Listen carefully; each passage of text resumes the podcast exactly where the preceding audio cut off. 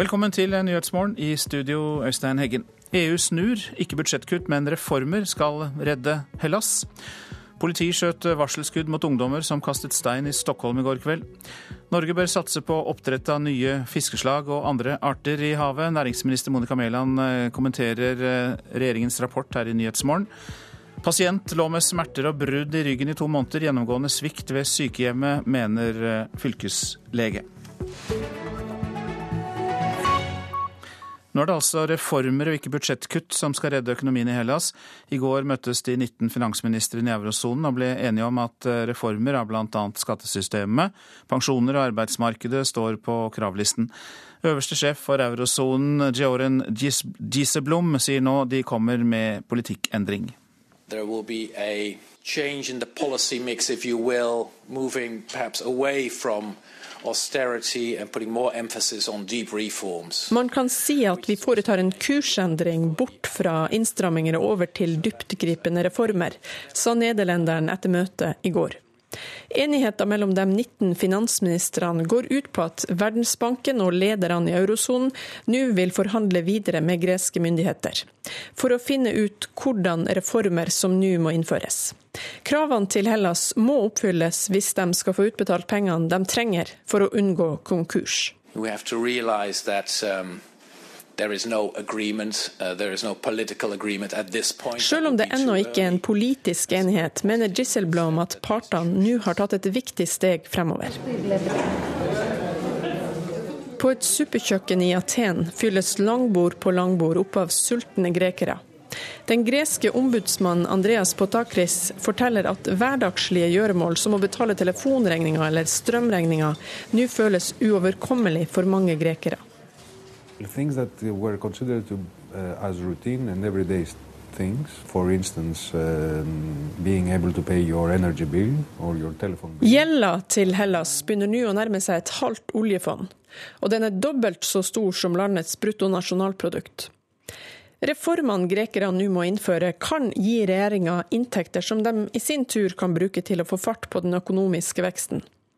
Ombudsmannen på Takris sier krisa ikke bare har ramma dem fattige, men helt opp til øvre middelklasse. Uh, characteristics of the crisis uh, that has hit not only the um, poorest uh, within the population, but also the middle class uh. Innenrikspolitisk har det økonomiske uføret kosta Hellas seks regjeringer og to statsministre. Arbeidsledigheten ligger på 25% På suppekjøkkenet ser Evangelia Konsta fattigdommen som brer om seg. Ting blir verre, ikke bedre. Det kan du se på folks behov, sier hun. Det fins mennesker her som bokstavelig talt ikke har en eneste euro. Og reporter var Eva Marie Bulai. God morgen, Pål Ringholm. Morgen, ja. Du er analysesjef for kreditt i Svedbank. og Hvordan vil du karakterisere løsningen eurofinansministrene kommer med? Altså, mest av alt er det sånn at det er valgsesong nå i Europa. Sånn at eh, det er sterke incitamenter nå i hele eurosonen til å komme opp med en løsning allerede nå til Hellas, selv om problemet med betaling først er i juli. Så det er, så det er bra at de eh, adresserer mer langsiktige løsninger for Hellas, men mest av alt så forblir det store problemet der, nemlig at Hellas har altfor mye gjeld. Ja, det er jo valg. La meg ta det først, da. For det skal jo skje både i Nederland, Frankrike og uh, Tyskland. Hvorfor mener du da at uh, kommende valg påvirker uh, politikken?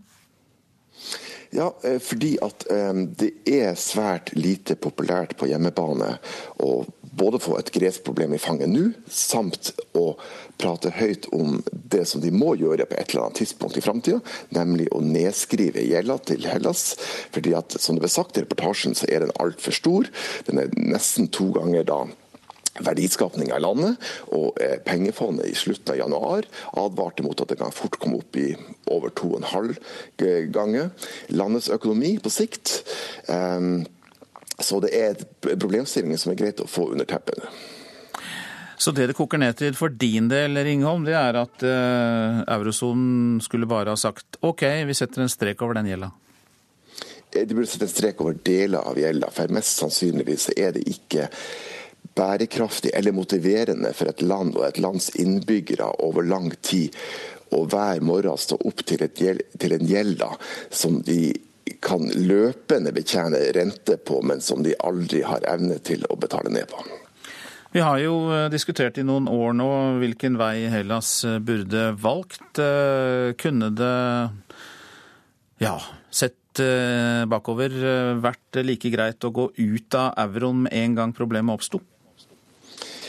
Muligens, man vet jo ikke helt. at Det er vanskelig å vite, vanskelig å vite da, det er vanskelig å vite nå, da.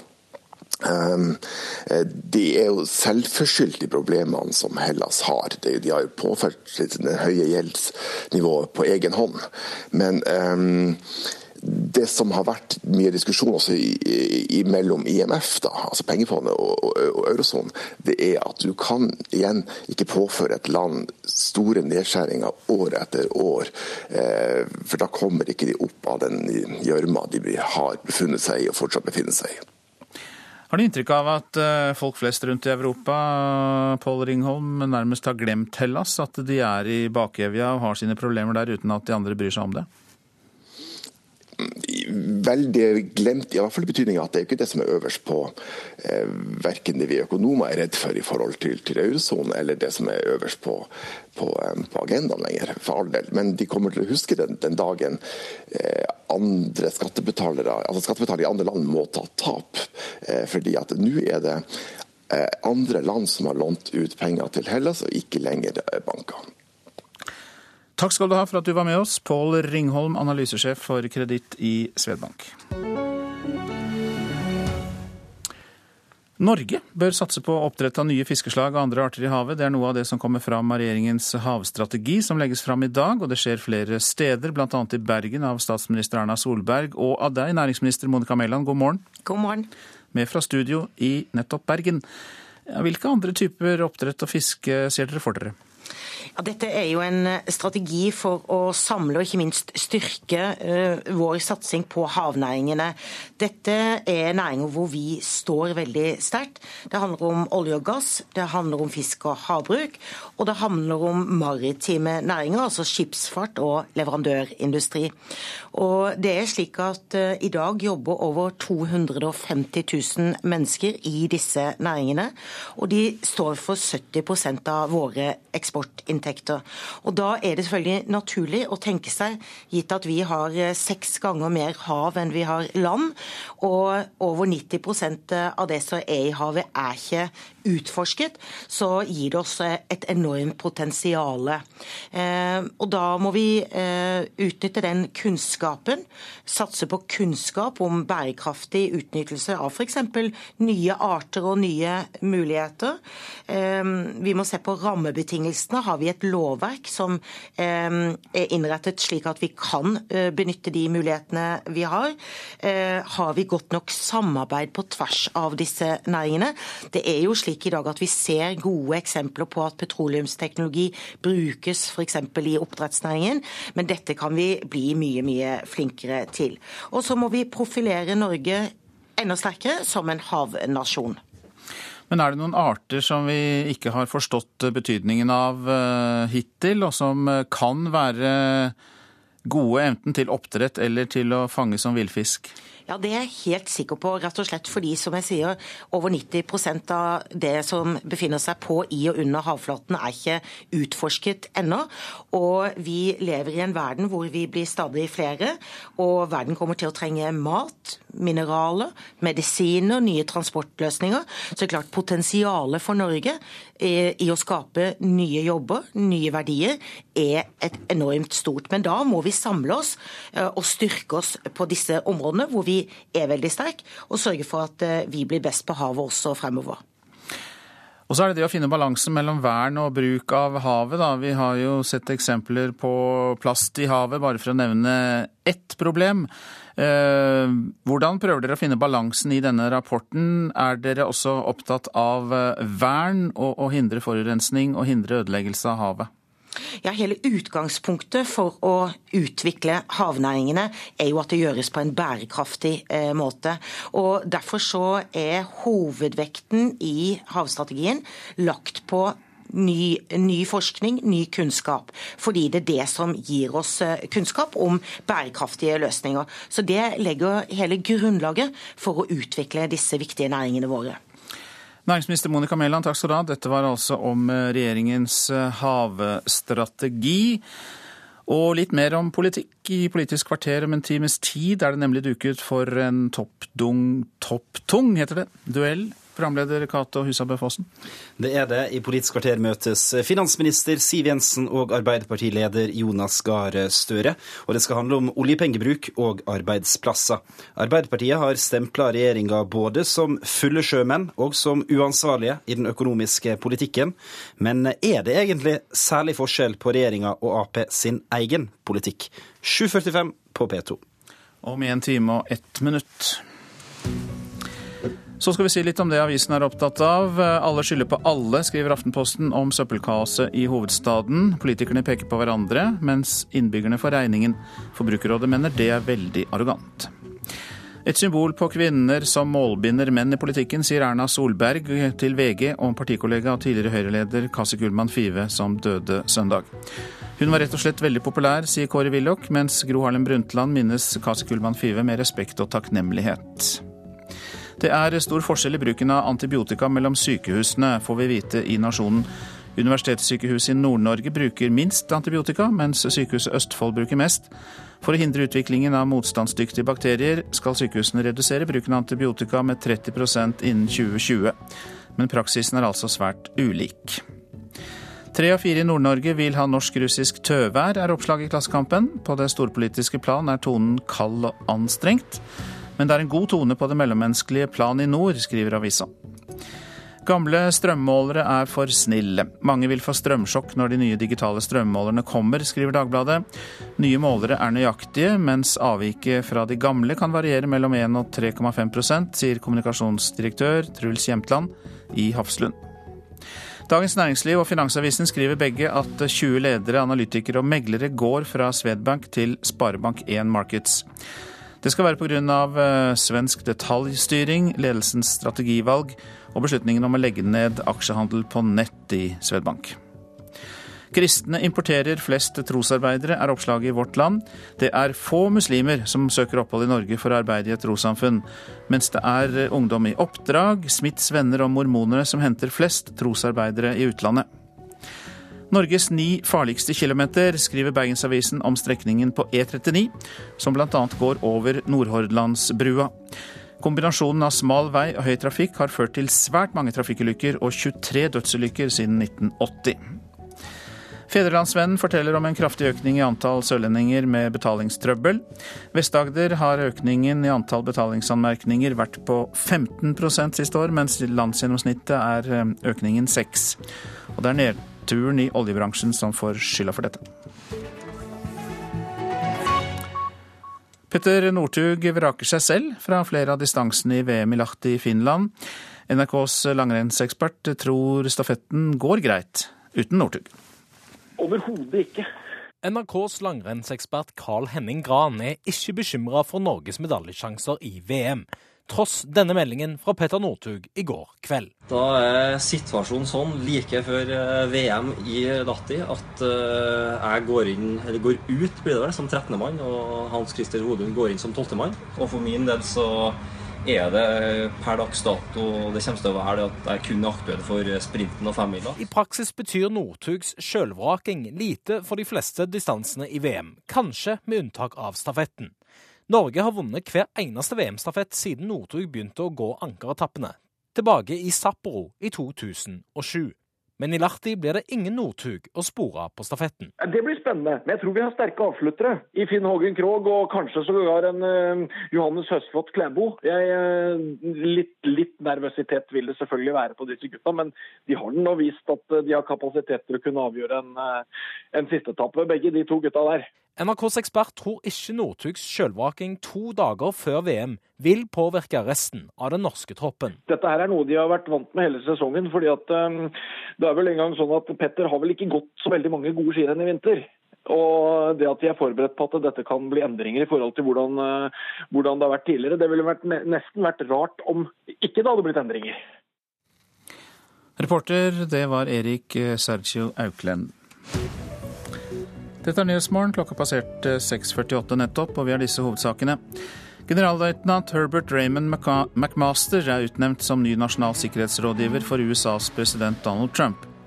Utnevnelsen blir møtt med positive reaksjoner også blant presidentens kritikere.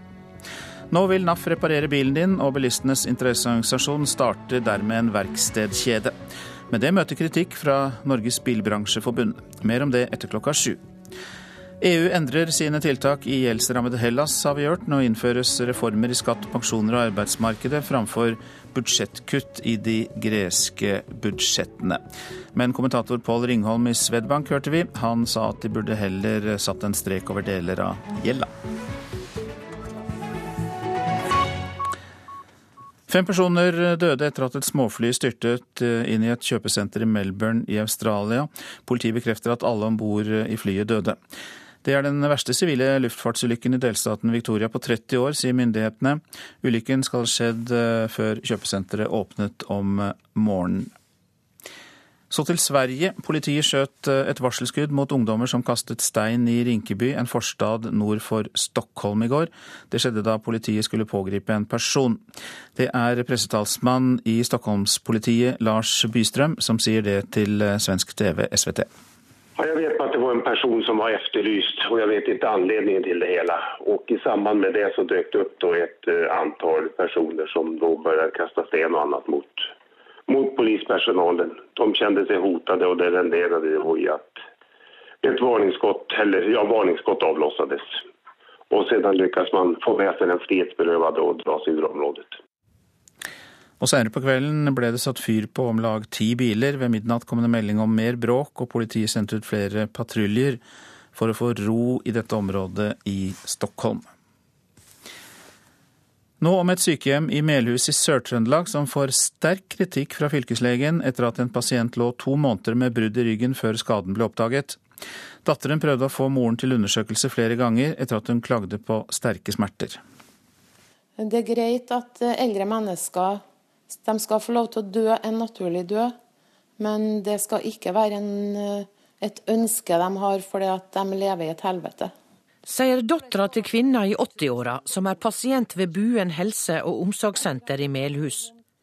Mora har i mange år hatt artrose, eller slitasjegikt, men smertene ble mye verre etter at hun sklei eller ramla. Hun ga uttrykk for at hun hadde fått noen brennende smerter i ene hofta si. Eh, jeg tok kontakt med, med pleiepersonalet gang på gang. Eh, ga uttrykk for at jeg trodde at mora hadde et kompresjonsbrudd i ryggen, og at de smertene hun hadde i hofta var et nervesmerter. Eh, følte ikke at jeg fikk noe gehør for noe MR som jeg ønska, før det hadde gått veldig lang tid.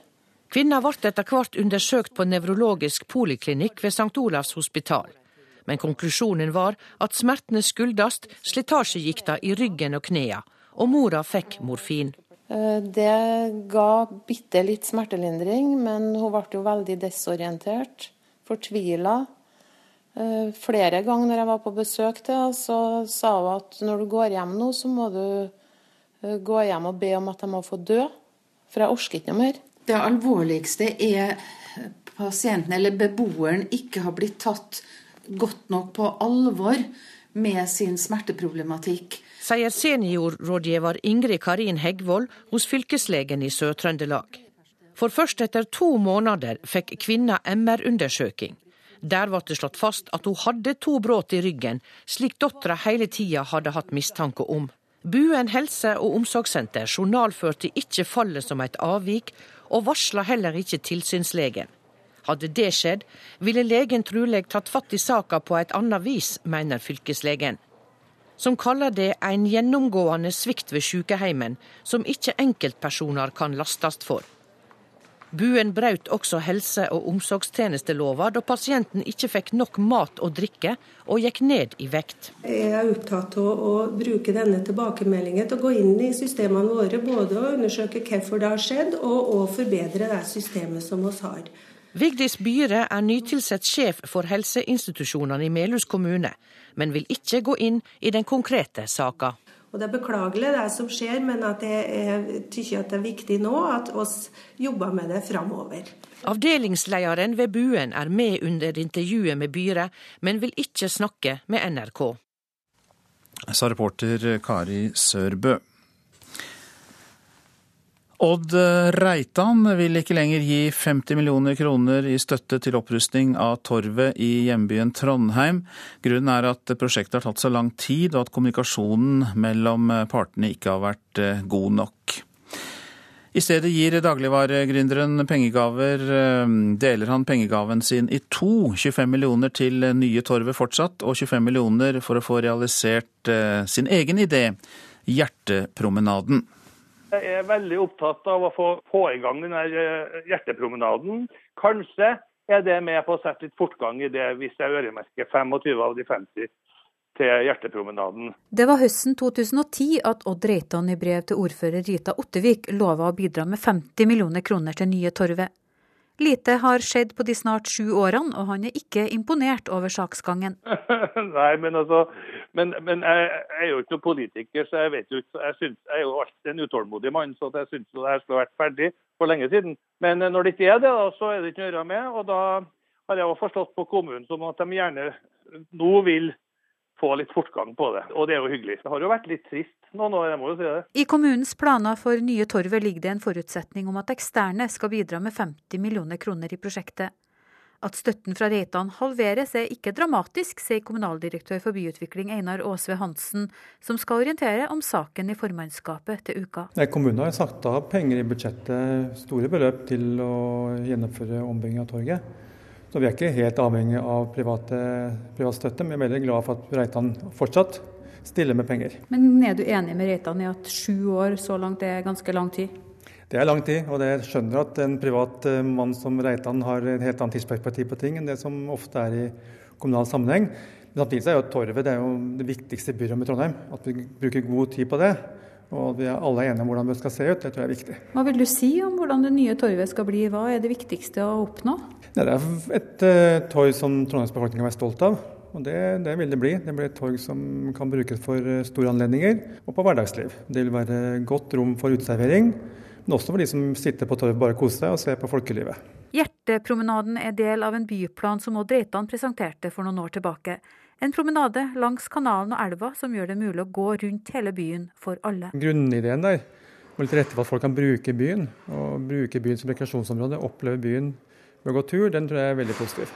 Og Da må vi se på hva er det med hjertepromenaden vi kan ta inn i planene som kommunen også har for å se om vi kan realisere noen av de ideene som Reitan har presentert tidligere. Dette klinger nok godt i ørene til Odd Reitan, som har ett mål, nemlig å få fortgang i planene. Alle jeg møter er jo veldig gild for å få gjort denne promenaden, og også kommunen, sånn som jeg oppfatter dem. da. Og Hvis det kan sette litt fortgang på det med å øremerke 25, så er det det som er hele poenget med det. Så jeg håper jo på det. Det er en, det er en veldig, bra, veldig bra plan, egentlig. Ål Reitan var det, og reporter var Grete Tobro. Minst elleve jødiske sentre i USA er blitt evakuert etter å ha mottatt bombetrusler. Det har kommet flere lignende trusseltelefoner til jødiske samfunnssentra den siste tiden. Trusseltelefonene har vært rettet mot 54 forskjellige senter og 27 i 27 delstater, og ett i Canada. Så var det værvarselet. Østlandet og Telemark først. Litt spredt regn eller sludd, snø i høyden. Nedbør nord og øst for Oslo. Fra ettermiddagen skyet eller delvis skyet, stort sett oppholdsvær. Agder stiv vest og nordvest kuling på kysten vest for Torungen. Opp i sterk kuling vest for Lindesnes. I vestlige områder av Agder regnbyger og snø i fjellet. Fra ettermiddagen stort sett opphold og utover kvelden tilskyende igjen. Og vi går til fjellet i Sør-Norge, som får stiv nordvestlig kuling utsatte steder i vestlige fjellstrøk, og snøbyger flest i vestlige områder og i nordlige fjellområder. For ettermiddagen blir det avtagende byggeaktivitet. Rogaland nordvest stiv kuling til sterk kuling utsatte steder. Fra formiddagen minkende til frisk bris. Men liten kuling fortsatt lengst i sør. Regnbyger, snøbyger i høyden. Fra ettermiddagen avtagende bygeaktivitet også i Rogaland. Hordaland nordvest stiv til sterk kuling utsatte steder. Fra formiddagen frisk bris. Regnbyger, snøbyger høyereliggende strøk. Og fra ettermiddagen avtagende byggeaktivitet. Sogn og Fjordane enkelte regnbyger. Snøbyger i høyden. Fra ettermiddagen liten kuling ved Stad. Møre og Romsdal enkelte sludd- eller snøbyger, stort sett opphold på Nordmøre. Fra ettermiddagen sør eller sørvest liten kuling på Sunnmøre og regn. Sludd eller snø i indre og høyereliggende strøk. Og veldig kort melding for Trøndelag, stort sett oppholdsvær. Nordland og Troms først på dagen nordvestlig liten kuling i Vesterålen og kyststrøkene i Troms, og så blir det snøbyger. Finnmark får stiv vestlig kuling i nord og snøbyger. Spitsbergen østlig liten og periodevis full storm utsatte steder, og det blir snøbyger. Avtagende byggeaktivitet utover dagen, men fortsatt snøfokk på Spitsbergen. Og så var det temperaturer målt klokka fire i natt. Svalbard lufthavn minus tre, Kirkenes er nede i minus 17, Vardø minus sju, Alta minus fire. Tromsø-Langnes minus fem, Bodø minus tre, Brønnøysund minus fem og Trondheim-Værnes minus tre. Molde null, og så kommer det noen plussgrader. Det var Bergen-Flesland med seks, Stavanger og Kristiansand fem. Gardermoen minus 1, Lillehammer null, Røros minus sju og Oslo-Blindern pluss tre. Og etter klokka sju skal vi markere at kong Harald fyller 80 år i dag. Min morgen starter ti over fire. Da ringer klokka. Kaffe på kjøkkenet, tømmer i termosen. Jakob Arvola står opp midt på natta for å servere deg musikkfrokost. Riktig god morgen. Det er venta forsinkelser på Gardermoen i dag. Musikk og nyheter. Jeg ønsker at eh, du som lytter, føler deg oppdatert, oppvåkna og uthvilt. Kanskje lukke øynene av og til og få den aller beste starten på dagen. Musikkfrokost med Jakob Arvola på NRK Klassisk.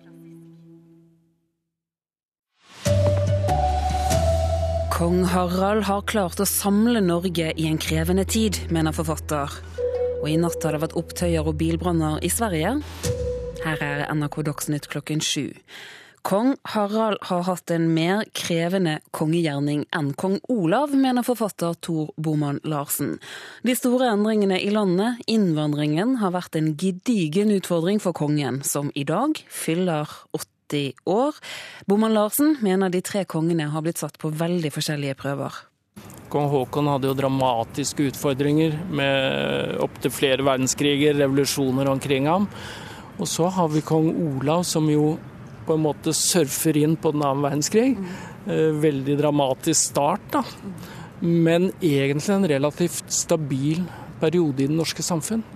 Mens kong Haralds periode har jo vært atskillig mer eh, utfordrende på den måten. Altså mye mer urolig tid, hvor også Norge er blitt eh, gjenstand for en sterk innvandring, f.eks.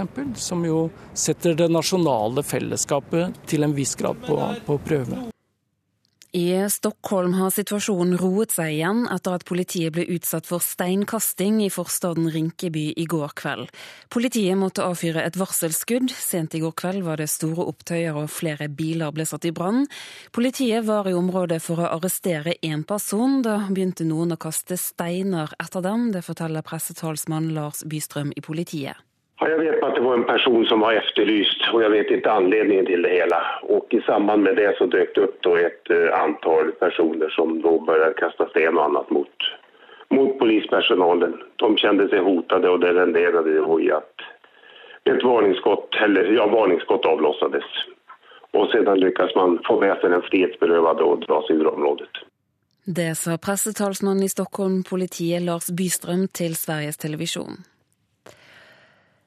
Hellas må gjennomføre store reformer for å få ny kreditt fra eurolandet. Det krever de 19 finansministrene i eurosonen. I går ble de enige om at reformer, bl.a. skattesystemet, pensjoner og arbeidsmarkedet, må til. Pål Ringholm analysesjef for kreditt i Svebank, sier reformene bare er et skritt på veien, før eurolandet etter hvert må slette deler av den enorme gjelden til Hellas. De burde sette en strek over deler av gjelda, for mest sannsynligvis er det ikke bærekraftig eller motiverende for et land og et lands innbyggere over lang tid å hver morgen stå opp til, gjeld, til en gjeld som de kan løpende betjene rente på, men som de aldri har evne til å betale ned på. NRK Dagsnytt, Turi Grønbekk.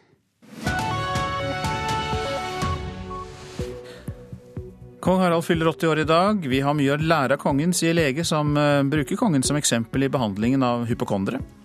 Norges bilbransjeforbund reagerer på at Norges Automobilforbund NAF starter verkstedkjede.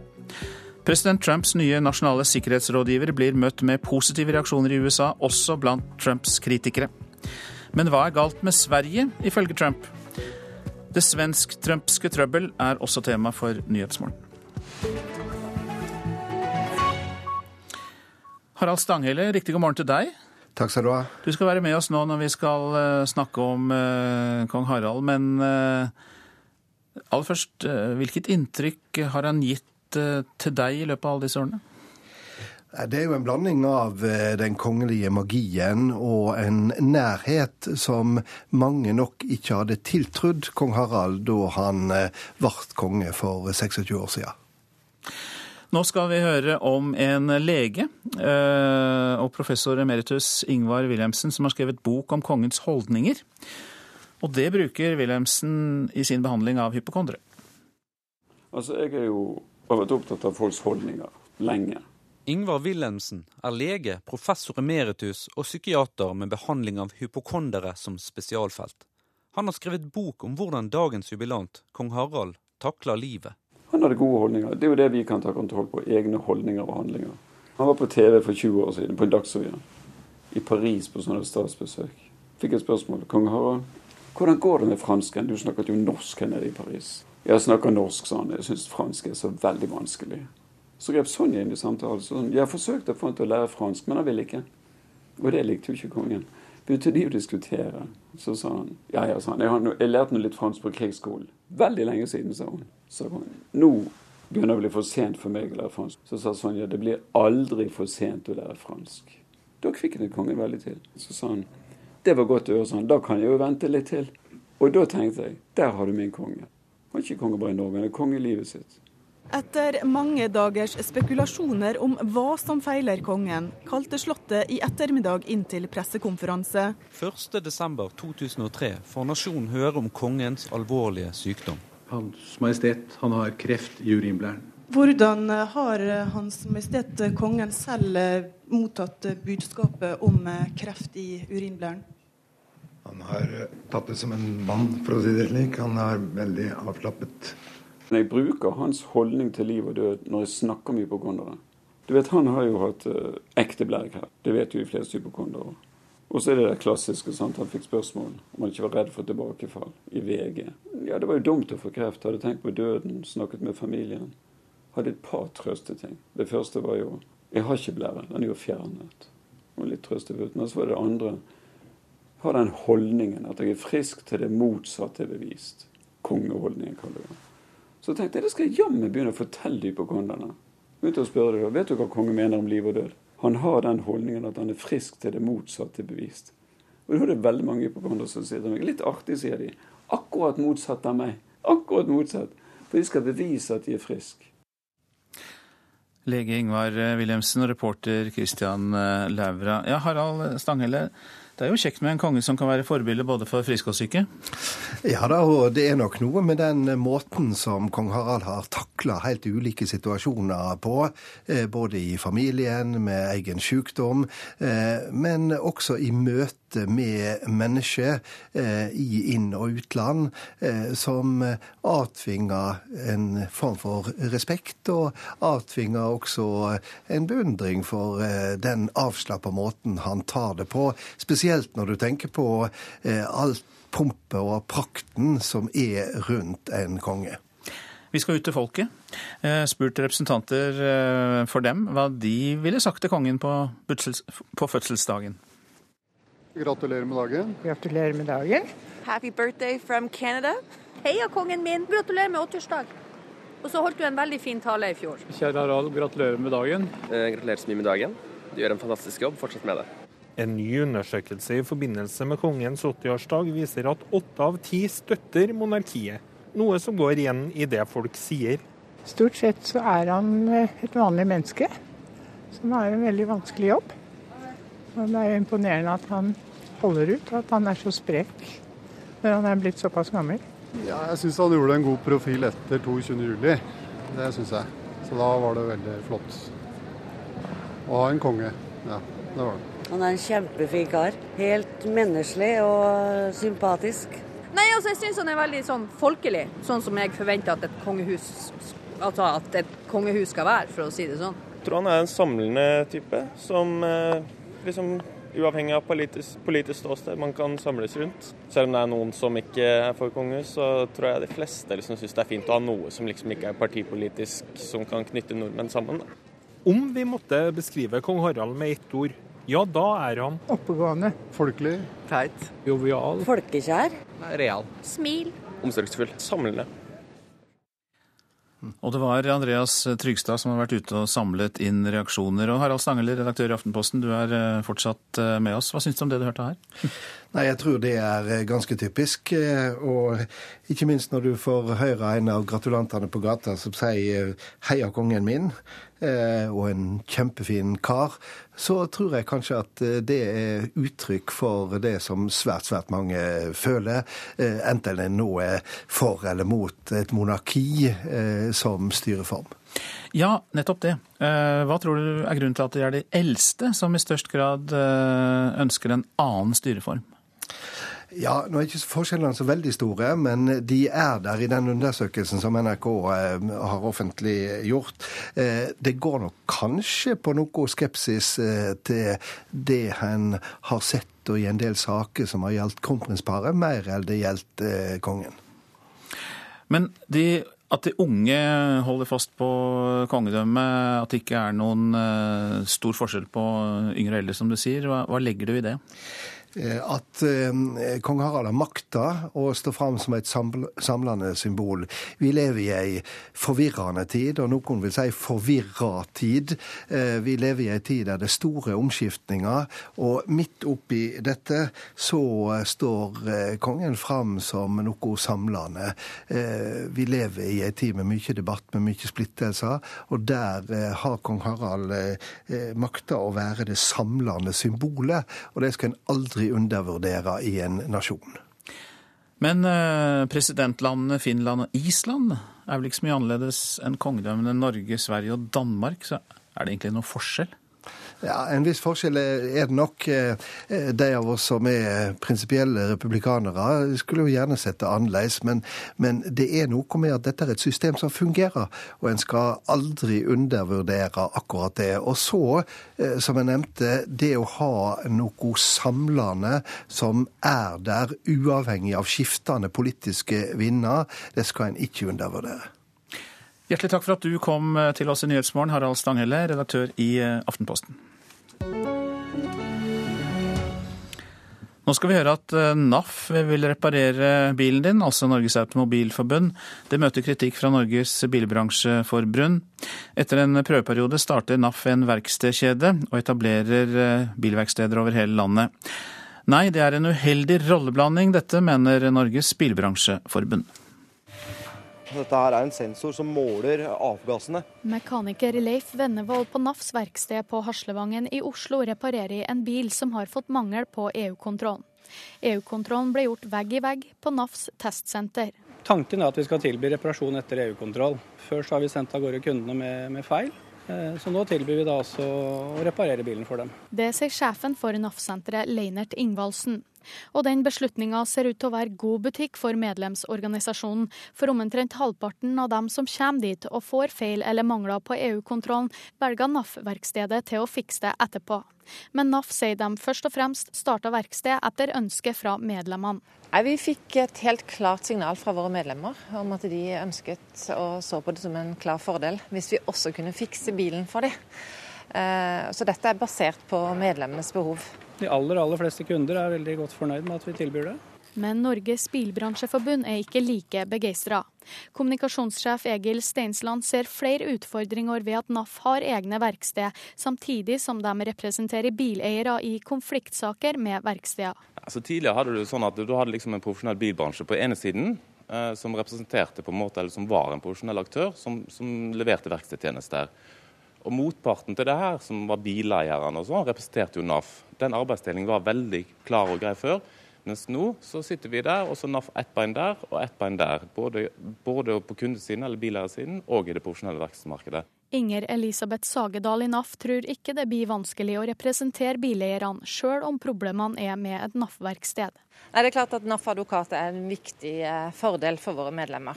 Men skulle et medlem eh, komme i en tvist med våre egne verksted, da har vi en ordning for det. Vi har oppretta NAF klagenemnd, og det er altså ikke våre egne advokater som da vil tilby hjelp i en sånn sak. Så Det er jo tilsvarende det vi gjør i andre saker hvor vi risikerer å komme på begge sider av bordet. Vi har ryddighet her. Når vi tester bilen, så gjør vi det ett sted. Så snakker vi med kunden og forklarer at vi kan utbedre det sånn og sånn, og andre kan også gjøre det. Reportere her Tanita Kveino og Kjartan Røslett. Om få sekunder er klokka 7.14. Dette er hovedsaker. Kong Harald fyller 80 år i dag. Vi har mye å lære av kongen om holdninger til livet, mener lege og professor emeritus Ingvar Wilhelmsen, som har skrevet bok om kongens holdninger og bruker ham som eksempel i behandlingen av hypokondere. Generalløytnant Herbert Raymond McMaster er utnevnt som ny nasjonal sikkerhetsrådgiver for USAs president Donald Trump. Mer om det straks. Og NAF vil reparere bilen din, har vi hørt. Bilistenes interesseorganisasjon eh, starter en verkstedkjede, men det møter kritikk fra Norges bilbransjeforbund. Og Vi har også hørt at EU endrer sine tiltak i gjeldsrammede Hellas. Nå innføres reformer i skatt, pensjoner og arbeidsmarked framfor budsjettkutt.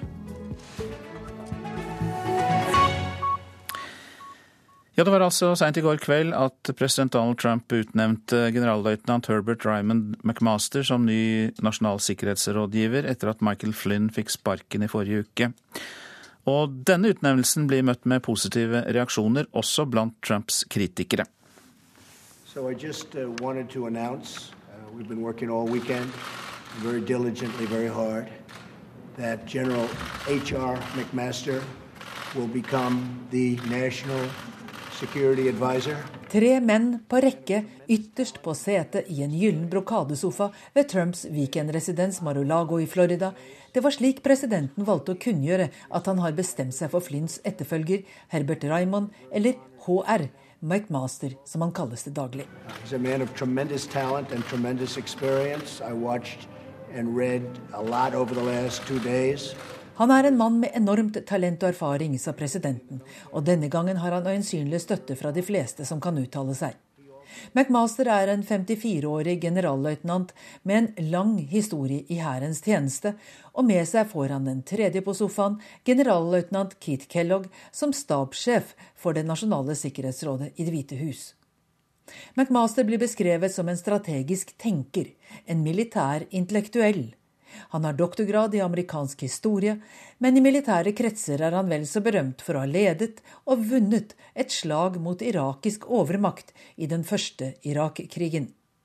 I en bok om Vietnamkrigen kritiserer han både den politiske og militære ledelsen i landet for manglende evne til å lede. Nå skal han selv gi presidenten råd. President,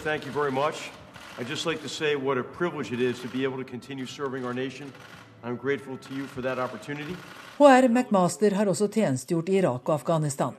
I Irak valgte han av taktiske grunner å beskytte en lokalbefolkning som ble mistenkt for fraternisering med fienden, og han gikk i dialog med lokale ledere. Lederen i Senatets forsvarskomité, John McCain, roser president Trump for et fremragende valg. McCain er vanligvis en av Trumps hardeste kritikere. Tidligere sjef for USAs sentralkommando, David Petreus, omtaler McMaster som en briljant offiser og en helt fra slagmarken, en mann som vil tjene landet usedvanlig godt. Reaksjonene på utnevnelsen har vært sjeldent enstemmig positive. Det mange nå spør seg i Washington, er hvordan samarbeidet med presidentens mektige strategiske rådgiver, ultranasjonalistiske Stephen Bannon, vil fungere. Bannon har i strid med tradisjon fått plass i Det nasjonale sikkerhetsrådet ved siden av forsvars- og utenriksminister og ledere for USAs etterretning. Det er ventet at McMaster ikke vil akseptere alternative maktsentre i Det hvite hus når det gjelder landets sikkerhetspolitikk. Groholm, Washington. Og vi fortsetter med Donald Trump, eh, for han fortsatte i går sine angrep på Sverige via Twitter. Det skjedde etter at den amerikanske presidenten brukte Sverige som skrekkeksempel på hva innvandring kan føre til. Sverige var dermed toppsak i medier verden over. You look at what's happening last night in Sweden. Sweden! Who would believe this? Sweden! Det var sånn det begynte. På et velgerarrangement i Florida brukte Donald Trump Sverige som eksempel på hvor galt det kan gå. They took in large numbers. They're having problems like they never thought possible. Tidligere utenriksminister Carl Bildt var blant dem som reagerte. Jeg tenkte jo hvordan kunne det her ha gått til. Eh, Det viste seg jo at han hadde sittet midt i natten og sett på et TV-program som var konstigt. Og så hadde han då, stod han i en talerstol, og så ble det så her.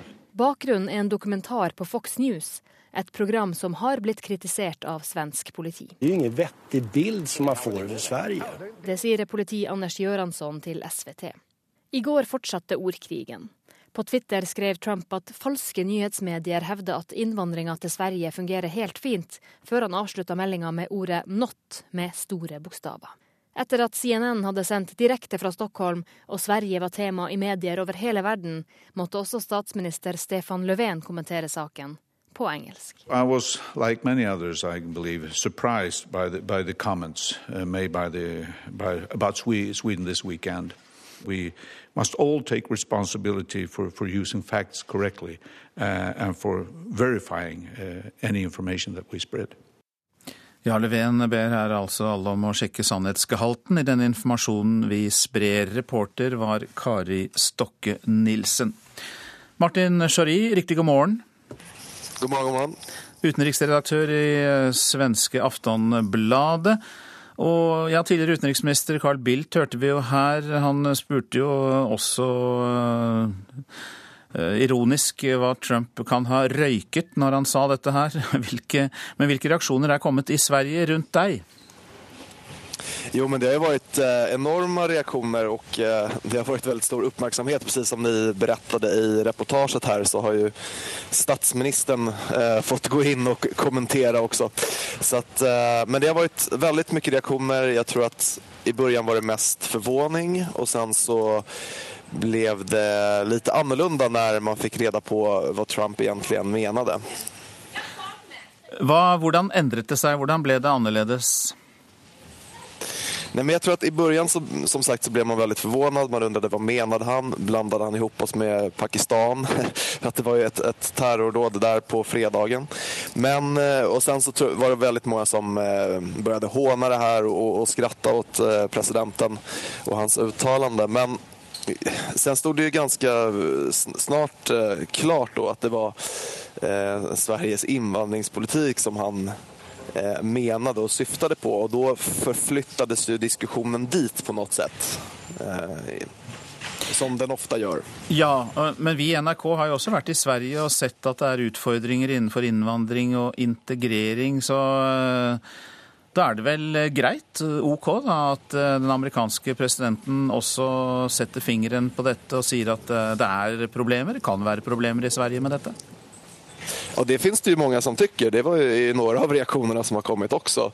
Ehm, att eh, det är bra att han tar upp det här, absolut. Sen så skulle man ju också kunna säga att Trump ger en ganska ensidig bild. Han har ju inte heller direkt utvecklat eh, vad han menar speciellt mycket. Eh, och om man tittar på den här Fox News dokument eller inslaget eller dokumentären som Trump hänvisar till så har ju den, eh, ger ju den också en väldigt ensidig bild. Och de poliser som var med har ju tagit avstånd ifrån den. Så att... Ja, for at uh, en av dem har vel sagt at den var uh, konstig, altså merkverdig uh, på norsk. eh. men hva um, er det med den dokumentaren En galning. Eh, Hva sa du? De som poliserna eh, sa till och med att han eh, som filmade var en galning. Så att, ja. Ja, så, så, dette startet kanskje Trumps uh, reaksjon på det um, han har sagt uh, om Sverige. Men kan man ikke også si at det får uforholdsmessig, altså altfor mye oppmerksomhet, at man kommenterer og reagerer hele tiden på en tilfeldig uttalelse fra Donald Trump? Jo, jeg tror at det finnes en poeng i det. Samtidig så är det ju eh, USAs president i det här sättet han har valt att kommunicera på.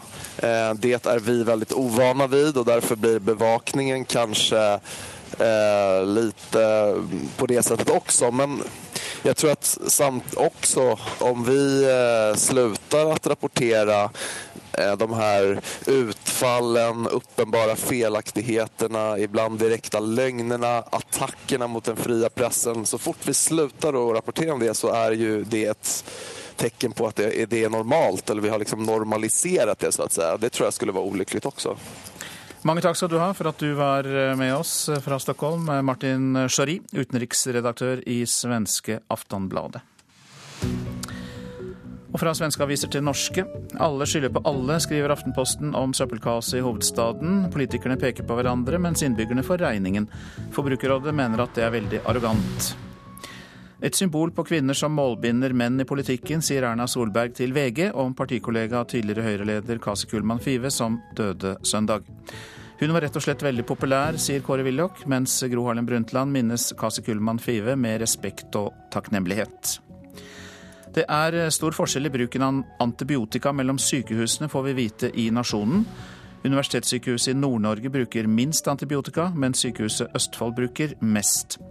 For å hindre utviklingen av motstandsdyktige bakterier skal sykehusene redusere bruken av antibiotika med 30% innen 2020. Tre av fire i Nord-Norge vil ha norsk-russisk tøvær, er oppslaget i Klassekampen. På det storpolitiske plan er tonen kald og anstrengt, men det er en god tone på det mellommenneskelige plan i nord, skriver avisa. Gamle strømmålere er for snille. Mange vil få strømsjokk når de nye digitale strømmålerne kommer, skriver Dagbladet. Nye målere er nøyaktige, mens avviket fra de gamle kan variere mellom 1 og 3,5% sier kommunikasjonsdirektør Truls Jemtland i Hafslund. Dagens Næringsliv og Finansavisen skriver begge at 20 ledere, analytikere og meglere går fra Swedbank til Sparebank1 Markets. Og det skal være pga. svensk detaljstyring, ledelsens strategivalg og beslutningen om å legge ned aksjehandel på nett i Swedbank. Kristne importerer flest trosarbeidere, er oppslaget i Vårt Land. Det er få muslimer som søker opphold i Norge for å få arbeid i et trossamfunn mens det er ungdom i oppdrag, Smiths venner og mormonerne som henter flest trosarbeidere i utlandet. Norges ni farligste kilometer, skriver Bergensavisen om strekningen på E39 som bl.a. går over Nordhordlandsbrua. Kombinasjonen av smal vei og høy trafikk har ført til svært mange trafikkulykker, 23 dødsulykker siden 1980. Fedrelandsvennen forteller om en kraftig økning i antall sørlendinger med betalingstrøbbel. Økningen eh, har, eh, i anmerkninger har vært på 15% mens landsgjennomsnittet er på 6 og nedturen i oljebransjen får eh, skylda.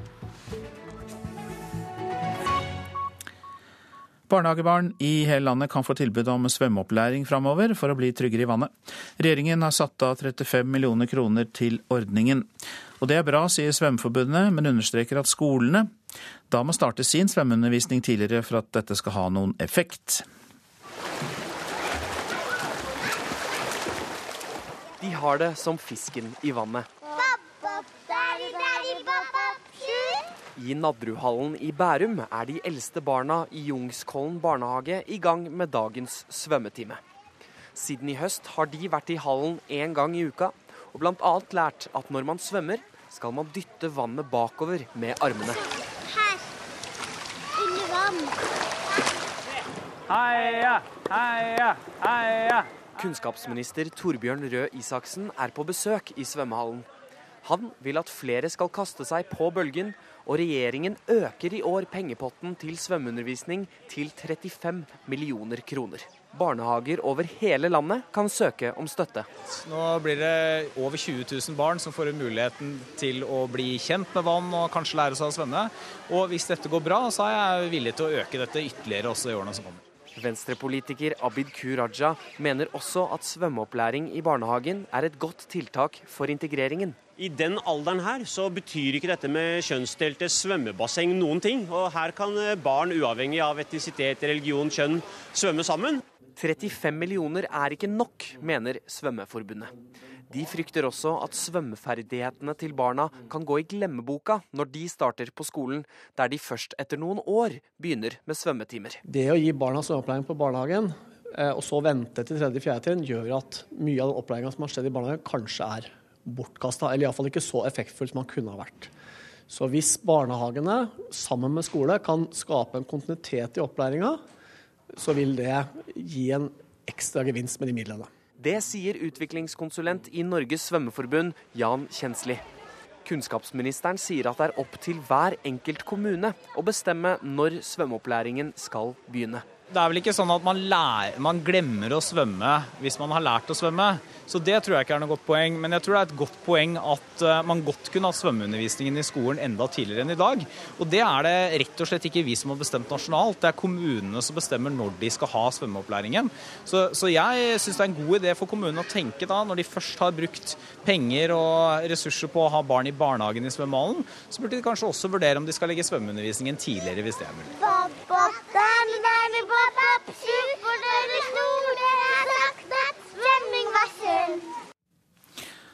Og Den reportasjen var laget av Andreas eh, Augdal. Prosent for Nyhetsmorgen, Ingvild eh, Ryssdal. Her i studio, Øystein Heggen. Kollega Joar Ho Larsen forteller om en utrydningstruet art i reportasjen etter Dagsnytt, nemlig Verdens kongehus. Og finansminister Siv Jensen og arbeiderpartipolitiker Jonas Gahr Støre møtes til duell om ansvarlighet, oljepenger og arbeidsplasser i Politisk kvarter kvart på.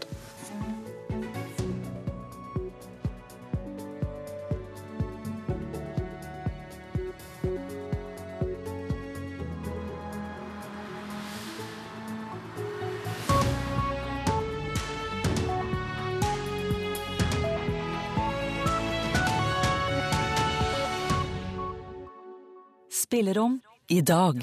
Den er på topp ti-listen over de mest oppførte operaene i verdenshistorien. Don Giovanni, om legenden, forføreren Don Juan. Men hva handler stykket egentlig om? Er han helten som symboliserer den frie tanken og handlingen bort fra det konvensjonelle, eller er han skurken som fortjente å havne i helvete? Fra 11 til 12 spillerom på NRK P2.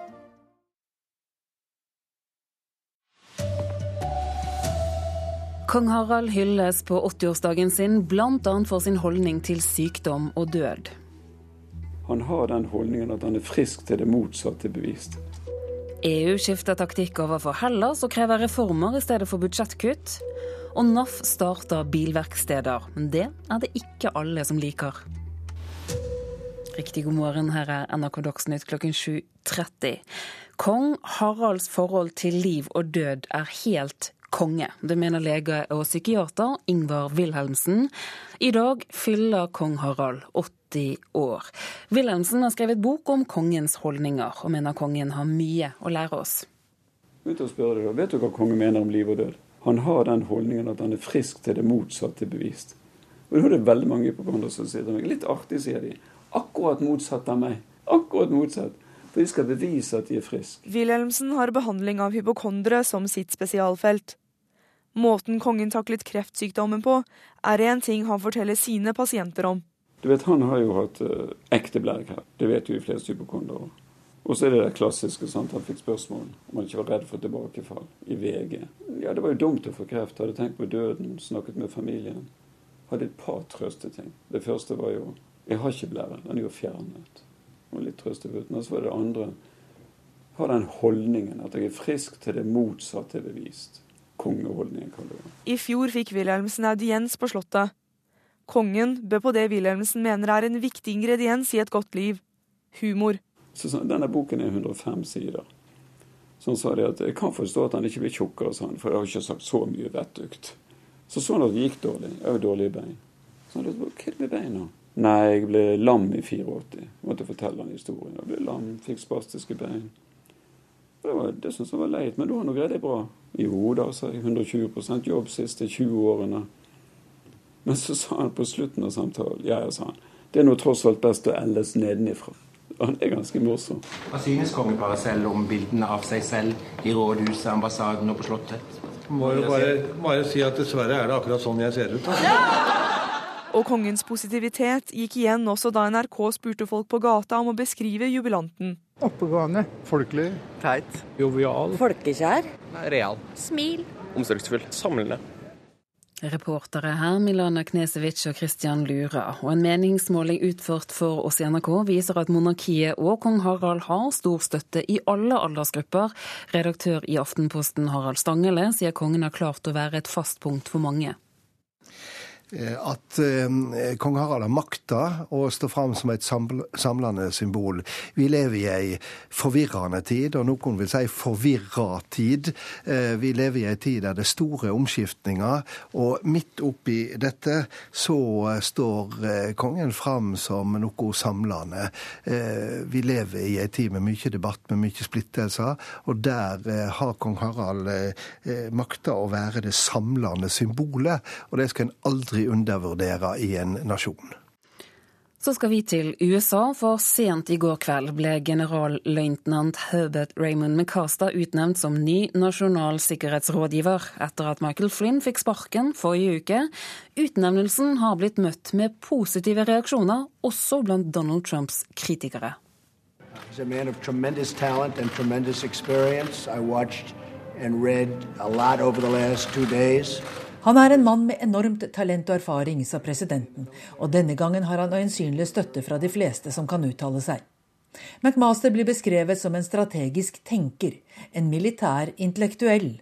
Han har doktorgrad i amerikansk historie, men i militære kretser er han vel så berømt for å ha ledet og vunnet et slag mot irakisk overmakt i den første Irak-krigen. I en bok om Vietnamkrigen kritiserer han både den politiske og militære ledelsen i landet for manglende evne til å lede. Nå skal han selv gi presidenten råd. Mr. President, thank you very much. I'd just like to say what a privilege it is to be able to continue serving our nation. I'm grateful to you for that opportunity.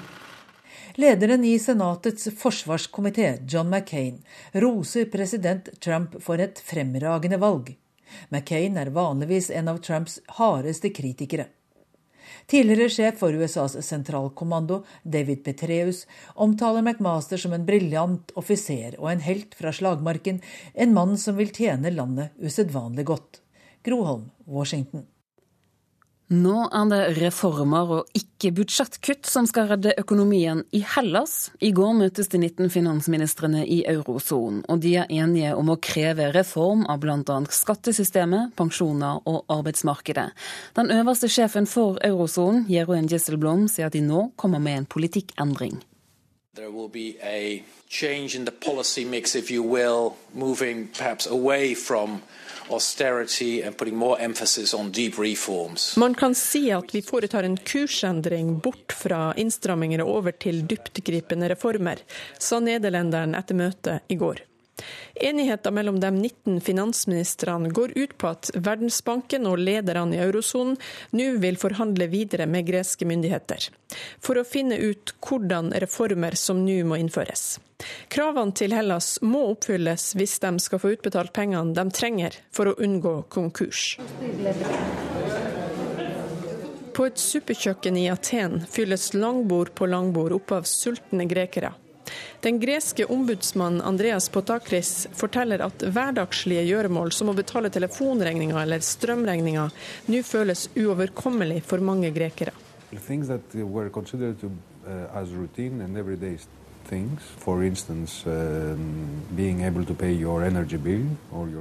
Gjelda til Hellas begynner nå å nærme seg et halvt oljefond, og den er dobbelt så stor som landets bruttonasjonalprodukt. Reformene grekerne nå må innføre, kan gi regjeringa inntekter som de i sin tur kan bruke til å få fart på den økonomiske veksten. Ombudsmann på Takris sier krisa ikke bare har ramma dem fattige, men helt opp til øvre middelklasse. Det sa reporter Eva Marie Bulai. Nå vil NAF reparere bilen din. Det får kritikk fra Norges bilbransjeforbund Etter en kort prøveperiode starter NAF en verkstedkjede, med etablering av bilverksteder over hele Norge. Men det er en uheldig rolleblanding, mener Norges Bilbransjeforbund. Dette her er en sensor som måler avgassene. Mekaniker Leif Vennevold på NAFs verksted på Haslevangen i Oslo reparerer en bil som har fått mangel på EU-kontrollen. EU-kontrollen ble gjort vegg i vegg på NAFs testsenter. Tanken er at vi skal tilby reparasjon etter EU-kontroll. Før så har vi sendt av gårde kundene med, med feil. Eh, så nå tilbyr vi da også å reparere bilen for dem. Det sier sjefen for NAF-senteret, Leinert Ingvaldsen. Og den beslutninga ser ut til å være god butikk for medlemsorganisasjonen, for omtrent halvparten av dem som kommer dit og får feil eller mangler på EU-kontrollen, velger NAF-verkstedet til å fikse det etterpå. Men NAF sier de først og fremst starta verksted etter ønske fra medlemmene. De aller, aller fleste kunder er veldig godt fornøyd med at vi tilbyr det. Men Norges Bilbransjeforbund er ikke like begeistra. Kommunikasjonssjef Egil Steinsland ser flere utfordringer ved at NAF har egne verksted, samtidig som de representerer bileiere i konfliktsaker med verksteder. Nei, nå er jo sånn at Et NAF-medlem får f.eks. juridisk veiledning ved konfliktsaker eller kundetvister. Eh, og nå kan du risikere at NAF møter seg på begge sider av bordet. Inger Elisabeth Sagedal i NAF tror ikke det blir vanskelig å representere bileierne, sjøl om problemene er med et NAF-verksted. Nei, det er klart at NAF advokat er en viktig eh, fordel for våre medlemmer. Men skulle et medlem eh, komme i en tvist med våre egne verksted, da har vi en ordning for det. Vi har oppretta NAF klagenemnd, og det er altså ikke våre egne advokater som da vil tilby hjelp i en sånn sak. Reportere her var Tanita Kveiner og Kjartan Rørslett. For første gang siden Oberstdorf i 2005 vil en VM-stafett gå uten Petter Northug som ankermann. Det er bare to dager til ski-VM starter, men i går trakk Petter Northug seg som den tolvte mannen i VM-troppen, og dermed skal han ikke gå stafett, og det er første gang på tolv år. NRKs langrennsekspert Carl Henning Gran sier at et norsk VM-lag i stafett uten Northug har ligget i kortene. Det er vel en gang sånn at Petter har vel ikke gått så veldig mange gode skirenn i vinter. Og det at de er forberedt på at dette kan bli endringer i forhold til hvordan, eh, hvordan det har vært tidligere, det ville vært, nesten vært rart om ikke det hadde blitt endringer. Petter han er en rutinert herremann, og han kjenner eh, kroppen sin godt. Han er, øh, han er en ærlig både mot seg sjøl og omgivelsene når det gjelder egen prestasjonsevne. Og da har vel han sett det sånn at dette står og faller på sprinten, tipper jeg. Er han i skikkelig draget på sprinten, så gir han seg sjøl kanskje en sjanse på femmila. Men han, han, eh, anser nok seg selv som et svært usikkert kort til å gå mange distanser med det grunnlaget han har. Ja, det sa Carl Henning Gran. Ansvarlig for NRK Dagsnytt denne morgenen, det er Anne Skårseth. Her i studio, Turi Grønbekk.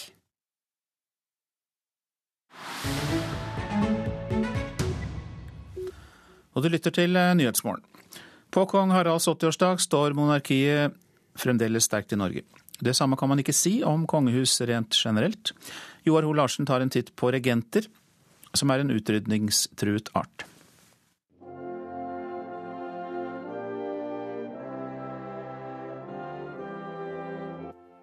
Kjært barn har mange navn. Konge og keiser, maharaja og mogul.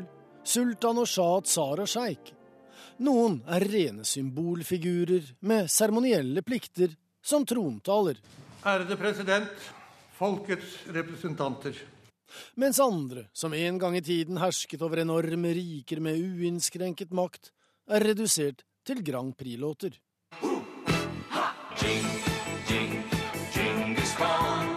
Andre er pensum eller huskes av noe spesielt, som Tysklands keiser Wilhelm 2., som besøkte Sognefjorden 23 år på rad, og i 1913 overrakte den 22 meter høye statuen av Fridtjof den frøkne på Vangsnes til kong Haakon.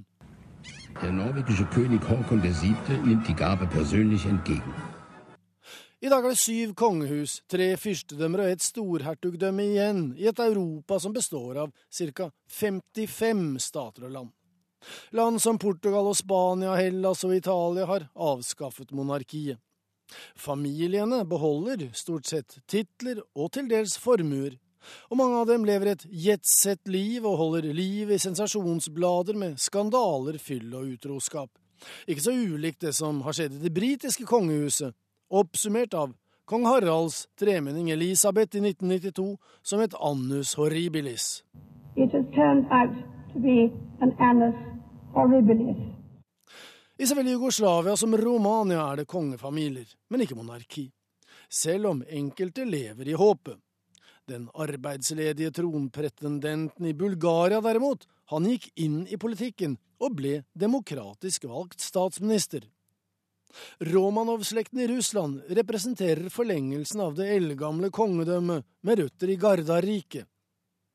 I år er det 100 år siden den russiske revolusjonen, som henrettet tsarfamilien med tsar Nikolai 2. i spissen, kong Haakons og dronning Mauds felles fetter. The last living czar of Russia and his family sleep soundly, unaware that the bloody civil war sweeping the country will soon overtake them. Men det er ikke bare i Europa det er monarker og kongehus. I Stillehavet ligger Tonga. Der ble kong Tupe den fjerde innsatt som ny konge for et drøyt år siden. Receive the crown of royal dignity and honor.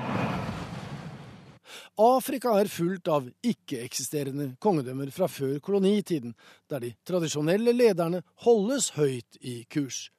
Buganda, Zulu og ikke minst Rastafari i Etiopia.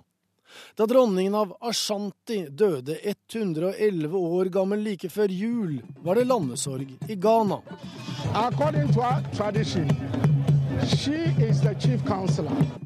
Og den sexfikserte vestlige verdenspressen er like begeistret hver gang kong Mswati den tredje i Svasiland, med 23 hustruer, forsøker å forklare flerkoneri med tradisjon og frivillighet. Our identity, which is our traditions, uh, plays a very important life in our society. Samtidig, monarki eller ei, det finnes jo dem som mener at det finnes bare én konge. He goes by the name of King Creole, you know it's gone, gone, gone,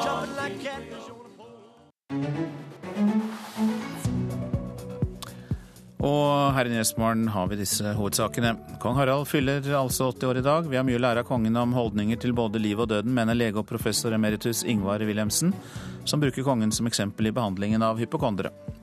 Generalløytnant Herbert Raymond McMaster er utnevnt som ny nasjonal sikkerhetsrådgiver for USAs president Donald Trump. Utnevnelsen blir møtt med positive reaksjoner, også blant presidentens kritikere.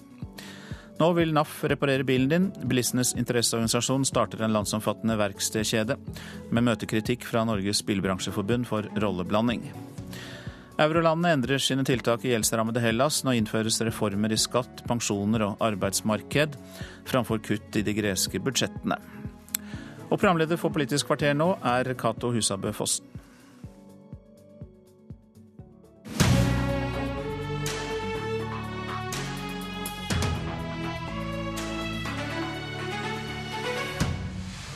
Oljepengebruken har økt med 100 milliarder kroner under Høyre og Frp. Jonas Gahr Støre sa til VG forleden dag at regjeringa har svikta, mislyktes og opptrådt uansvarlig. Men eh, har den det? Støre og Siv Jensen sitter i studio. Ja, riktig god eh, tirsdagsmorgen og velkommen både til deg som hører og ser på Politisk eh, kvarter. I 2017 tar Høyre-Frp-regjeringa ut 225 oljemilliarder fra vårt alles pensjonsfond, mens Ap la opp til å bruke nesten akkurat like mye i sitt alternativ, 221 oljemilliarder. Det skiller 4 milliarder eller 1,77% Er det virkelig forskjellen på ansvarlighet og uansvarlighet, Støre? Det som har vært systematisk i hele denne perioden, er at alle partier på Stortinget, når vi har behandlet budsjett, har foreslått å bruke mindre oljepenger eh, enn regjeringen for å forberede oss på tidene som ligger foran oss, og for å ha noe igjen i fondet til kommende generasjoner. Så er det sånn at Hvert budsjett vi behandler, er jo basert på det som ble brukt eh, i året tidligere. Så vi begynner jo der hvor regjeringen har lagt malen. Eh, men bare i år så bruker vi altså en tredjedel mindre. Vi skal bruke oljepenger. Men denne regjeringen har altså, som du sier, brukt uh, mer penger på fire år enn samtlige finansministre før Siv Jensen har tatt ut av oljefondet. Og det er uansvarlig over tid, og det har heller ikke gitt de resultatene men, som de Men hvor bikker det over i uansvarlighet? Hvis jeg bruker 225 kroner, og du bruker 221 kroner, er jeg da luksusfellen-kandidat, og du fornuftig? Ja, men Hvis du ved hver anledning har pøst på med mer i en takt som gjør det slik at du ser at den sparekontoen du har, den er tom om noen år, slik at ungen din ikke har noe mer inn i den, så er du uansvarlig. Og når alle de andre partiene sier at vi bør bruke mindre, og vi bør bruke pengene bedre For det er jo det alvorlige. Det er jo resultatene som teller. Og de resultatene er altså, som vi sikkert skal snakke om i dette kvarteret, at vi har rekordhøy ledighet, skaper ikke nye jobber. Den regla skal vi komme tilbake Nettopp. til. Siv Jensen, du leder et Frp som alle trodde, i hvert fall fram til sist eh, torsdag, da, var sterkt imot handlingsregelen og helst ville bruke enda mer oljepenger enn dere gjør nå, hvis det var mulig. Syns du personlig fortsatt at vi bruker for lite oljepenger? Jeg er veldig tilfreds med at vi har eh, ført en offensiv finanspolitikk i en krevende tid for Norge. Det hadde jo vært feil eh, medisin å skjerpe skattene, som Arbeiderpartiet har foreslått, og ikke bruke det handlingsrommet vi nå har, til å styrke vekstevnen i økonomien. Da handlingsregelen kom tilbake i 2001, lagt frem av en eh, Arbeiderpartiledet statsminister, nemlig Jens Stoltenberg, så sa man at vi skulle bruke økte handlingsrommet, altså mer oljepenger, på vekstfremmende tiltak. Skattereduksjoner, samferdselsinvesteringer. Eh, nå har jo Arbeiderpartiet gått bort fra det. Nå vil de både bruke mindre oljepenger og øke skattene, og det i en tid hvor næringslivet på Sør- og Vestlandet sliter. Det er altså ikke noe bidrag. Jeg har enda ikke møtt én eneste bedriftsleder som roper på høyere skatt i disse dager. Det er riktig det, Støre. Når Stoltenberg innførte handlingsregelen, så skrev han snarere bør handlingsrommet økt innfasing av oljepenger gir, over tid benyttes til å redusere skatter og avgifter. De skattene og avgiftene som denne regjeringen har redusert, har jo ifølge dens egne eh, beregninger ikke gitt økte arbeidsplasser, ikke gitt økt aktivitet. Og da mener jeg det er ganske uansvarlig av en regjering å legge opp til en skattepolitikk hvor de bruker av våre barns penger til å øke forskjellene i Norge, og ikke gi resultater på det å skape jobb. Enhver regjering blir bedømt på resultatet av hva den gjør. Og det, Hva blir da stående igjen etter denne regjeringen, som har brukt disse rekordhøye, ledige, disse, eh, rekordhøye oljepengene? I en tid hvor vi altså har den høyeste ledigheten, laveste jobbskapingen, og de arbeidsplassene som kommer, de kommer i det offentlige og ikke det private. Da sier jeg det at de satsingene som gjelder eh, samferdsel, jernbane, veier, det er Stortinget enige om. Det er bred opplysning om det. Vi har også bevilget penger til det. Men det er denne politikken med å hente penger ut, bruke oljepenger til å finansiere skattekutt, engangsutbetalinger til de som har mest. Det er gal politikk. Det øker ulikheten, og det skaper altså ikke de jobbene som eh, samfunnet trenger. Men Det er vanskelig å skjønne kritikken så lenge dere bruker nesten like mye sjøl. Dere viser hele tida til at økonomer advarer mot at oljepengebruken ikke kan fortsette. Eh, men hvor mange økonomer kan du nevne som mener at regjeringa har brukt for mye penger i den perioden vi har vært igjennom? Jo, men de har brukt pengene feil. Det er jo poenget. Altså, Vi ligger da under i oljepengebruk. Så de har ikke brukt for mye? Jo, vi mener de også har brukt for mye. Men som, som, sagt, i år så har vi altså brukt en tredjedel mindre nye oljepenger enn regjeringen.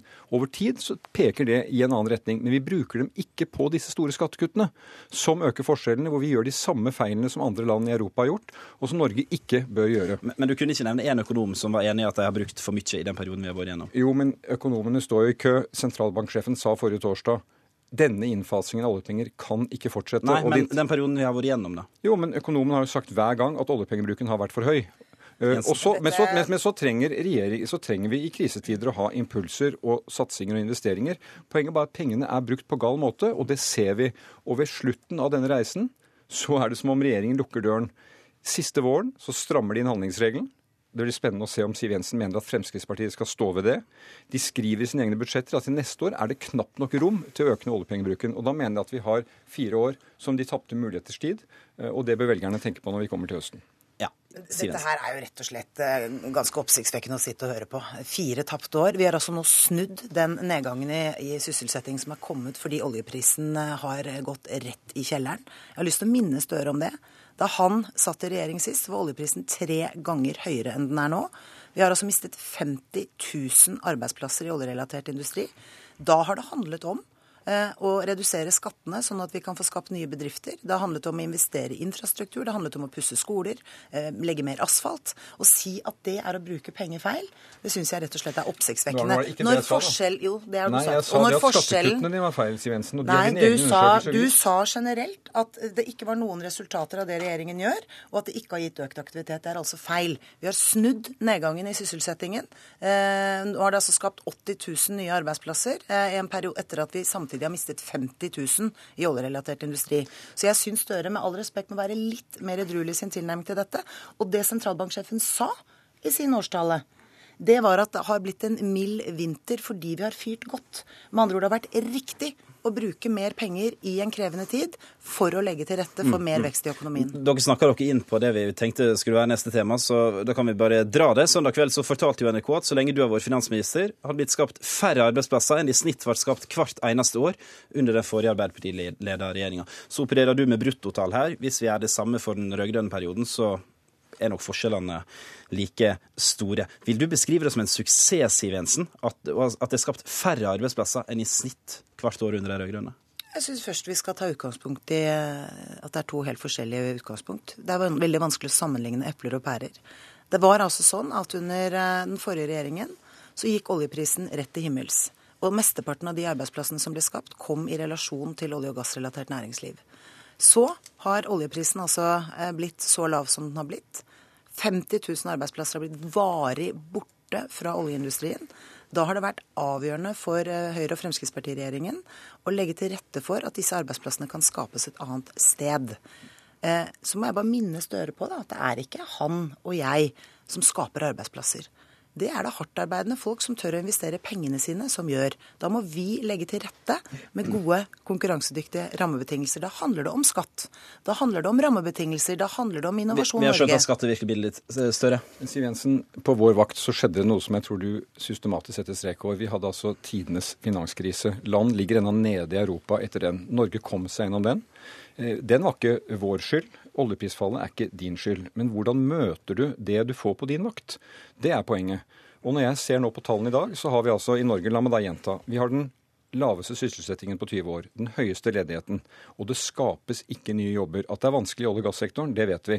Og vi mener at dere har vært systematisk på etterskudd i forhold til å gjøre noe med ledigheten. Og de skattetiltakene de har tatt, har heller ikke skapt nye jobber. Det er det vi sier. Og da er denne gigantiske oljepengebruken en dårlig for, Altså, vi har fyrt i dårlige tider. Ja, men, men, det kommer til å være kaldt i årene som kommer mm. også, og da er det nesten ikke ved igjen i kjelleren hos Siv Jensen. Og, og, det, og den kan være tom innen men, hennes barn øh, Dette er feil. Arbeiderpartiet gjentar og gjentar og Jeg må forklare dette. De gjentar og gjentar påstanden om at vi tømmer oljefondet. Det er feil. Ja, det sier sjefsøkonomen i NHO. Det sier Olje Øystein Olsen i Norges Bank. Støre, det er feil. Fondet legger på seg fra det ene året til det andre. Men mener du virkelig at vi ikke ikke skulle brukt det også handlingsregelen åpner for, nemlig mer penger i dårlige tider. Altså Hvis du mener det, så er det en ærlig sak, men da er alternativet å skjerpe skattene. Og Hvis man ikke skulle brukt da, for vi har fått kritikk fra Støre for at vi har brukt 100 milliarder for mye oljepenger, hvor skal han da kutte de 100 milliardene? Er det til sykehusene? Er det til veibyggingen? Er det skjerpe skattene? Er det kommuneøkonomien? Er det politiet? Hvor vel... skal du kutte de 100 milliardene hen? Siv Jensen, altså Nå har jo programlederne sagt at vi bruker noe mindre oljepenger enn dere, så vi har vist i våre alternative budsjetter hvordan vi gjør det. Men det vi ikke har gjort, er å legge inn på den eh, kursen med, med skattekuttene dere har. Men nå er spørsmålet Ja, For du vil skjerpe skattene med 15 milliarder? Okay, men mine damer og herrer, fint. Eh, dere kommer jo sikkert til å ha tømt oljefondet med et par måneders mellomrom. Så, men, men Jonas Gahr Støre, du styrte gjennom, eh, altså de regjering styrte gjennom en økonomisk gullalder for Norge. Under de borgerlige så har vi hatt historisk lav oljepris, som har ramma oljeindustrien hardt. Kosta 50 000 mennesker jobben. Hvordan kan du med ære og samvittighet i behold hevde at dere hadde skapt vesentlig flere arbeidsplasser i denne situasjonen enn dagens regjering? Nå syns jeg du snakker ned den finanskrisen vi hadde. Det var ikke noe gullalder når den traff. Den traff, og vi kom Hvor oss gjennom den. Hvor fort spratt oljeprisen opp igjen? Jo, men Den kom opp igjen, men vi førte en politikk tilpasset de omstendighetene som var. Og så har jeg sagt, det er ikke Siv Jensens skyld at oljeprisen falt. Men vi er nå tre, tre år etter at det skjedde. Eh, eh, og i resten av landet sier regjeringen at det går bra i økonomien, ledigheten er lav. Poenget er det skapes ikke nye arbeidsplasser, programleder. 5000 i året, da, i hvert fall. Jo, men, altså, men, men i fjor, i 2016, hadde vi for første gang fall i sysselsettingen i privat sektor. Og blant menn i 30-årene er 20% utenfor arbeidsmarkedet. Det jeg sier, etter denne regjeringen som har brukt 100 milliarder ekstra, står det ikke igjen én stor velferdsreform. Det står ikke igjen én ny næring som er på vei opp. Det står ikke igjen omstilling. Og det er interessant å høre sentralbanksjefen. Han sier omstillingen ligger foran oss. Denne regjeringen har snakket om omstilling som sitt mantra fra 2013, den har altså ikke skjedd. Mm. Mitt poeng er at med en annen bruk av pengene, mer målrettet inn der hvor ledigheten rammer, satsing på en aktiv næringspolitikk, utvikle teknologi som kan skape nye arbeidsplasser, så hadde vi kunnet møtt den ledighetssituasjonen bedre og skapt flere arbeidsplasser. Siv Jensen, du har brukt over 21 milliarder på det du kaller vekstfremmende skattekutt. Skattelettelser som skal gi betydelig vekst i økonomien og nye arbeidsplasser. Hvor blir det av de effektene? Tror du at eh, en bedriftsleder som eh, blir fratatt overskuddet sitt, har muligheten til å investere i flere arbeidsplasser, eller eh, må vedkommende da betale dette inn i skatt? Det er jo litt av problemet for veldig mange bedrifter. Vi har også en særnorsk formuesskatt som norske eiere må betale, men utenlandske arbeidere slipper.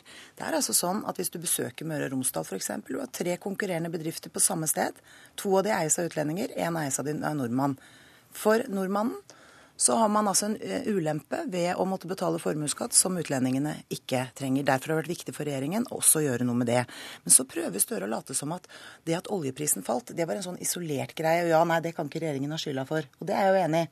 Men det at oljeprisen har falt, har altså ført til tidenes bortfall av arbeidsplasser. Da må vi skape de et annet sted. Og vi har altså lagt til rette for omstilling. Problemet, Støre, er at Arbeiderpartiet har vært systematisk motstander av alle de reformene regjeringen har ønsket å gjennomføre, som vi trenger for å bruke skattebetalernes penger bedre. Men din medisin for å skape nye arbeidsplasser, det er skattekutt. Og Erna Solberg har Nei, skissert min medisin for å skape nye arbeidsplasser er en kombinasjon av lavere skatter, ja. av eh, midler til forskning, til kompetansebygging, til Innovasjon Norge, og ikke minst den tiltakspakken vi har lagt frem, som har gitt økt sysselsetting i særlig sårbare områder. Større. Nå må vi få svar eh, før valget. For det første er det interessant for forutsigbarheten for næringslivet. Nå er Siv Jensen, som mente at handlingsregelen sto i veien for fornuften, hun har gjentatt den og strammet den inn i forrige uke. Det mener jeg var bra. Står Fremskrittspartiet bak den? Går de til valg på å ville ha den? Det er punkt én. Punkt to. I budsjettet så skriver regjeringen i 2018, 2019, 2020 er det rom for 6 milliarder nye kroner å satse på i budsjettet. Hvor mye penger i skattekutt lover du? Erna Solberg snakket opp mot 25 milliarder. Da er hele handlingsrommet gått på skattekutt. Det trenger velgerne å vite. For poenget er da at hvis du gjør det på den måten, så må det kuttes andre steder. Vi har vært ærlige ved å si at vi trenger løft innenfor eldreomsorg, skole, ny teknologi. Da har vi foreslått å ta inn to tredjedeler av de skattekuttene dere gjennomførte, på en måte hvor fire av fem nordmenn får lik eller lavere skatt. Hvor henter du pengene til neste skattekutt, Siv Jensen? Står det ved handlingsregelen, og hvor mye skatt skal du kutte? For det første så har ikke regjeringen strammet inn handlingsregelen. Handlingsregelen ligger fast med all den fleksibiliteten som ligger der. Hvor vi også har muligheten til å bruke mer penger. Det jeg kan love, og som velgerne har sett eh, under denne regjeringen, er en ansvarlig økonomisk politikk. Hvor vi både Vi er opptatt av å føre en ansvarlig økonomisk politikk hvor vi både finner rom for å redusere skattene og for å styrke velferden på ulike områder. Forskjellen, forskjellen, Jonas, på deg og meg er at under din regjering så skjerpet dere skattene mens velferden gikk ned. Det var altså sånn at Fengselskøene gikk opp, og det gjorde skattene også. Under Men står du bak den regelen? Kan vi få vite det? Står du bak handlingsregelen i valgkampen, da? Gått ned. Men svar på det som vi blir ferdig. Står du bak, står du bak handlingsregelen i valgkampen? Ja, så ja, vi har vært opptatt av å utnytte den fleksibiliteten som ligger i handlingsregelen. Det betyr at det er mulig å bruke mer penger i dårlige tider, og det har denne regjeringen gjort. Nei, vi får ikke svar, men Støre, du går til valg på å øke skattene med 15 milliarder kroner. Hvordan skal det bidra til flere arbeidsplasser?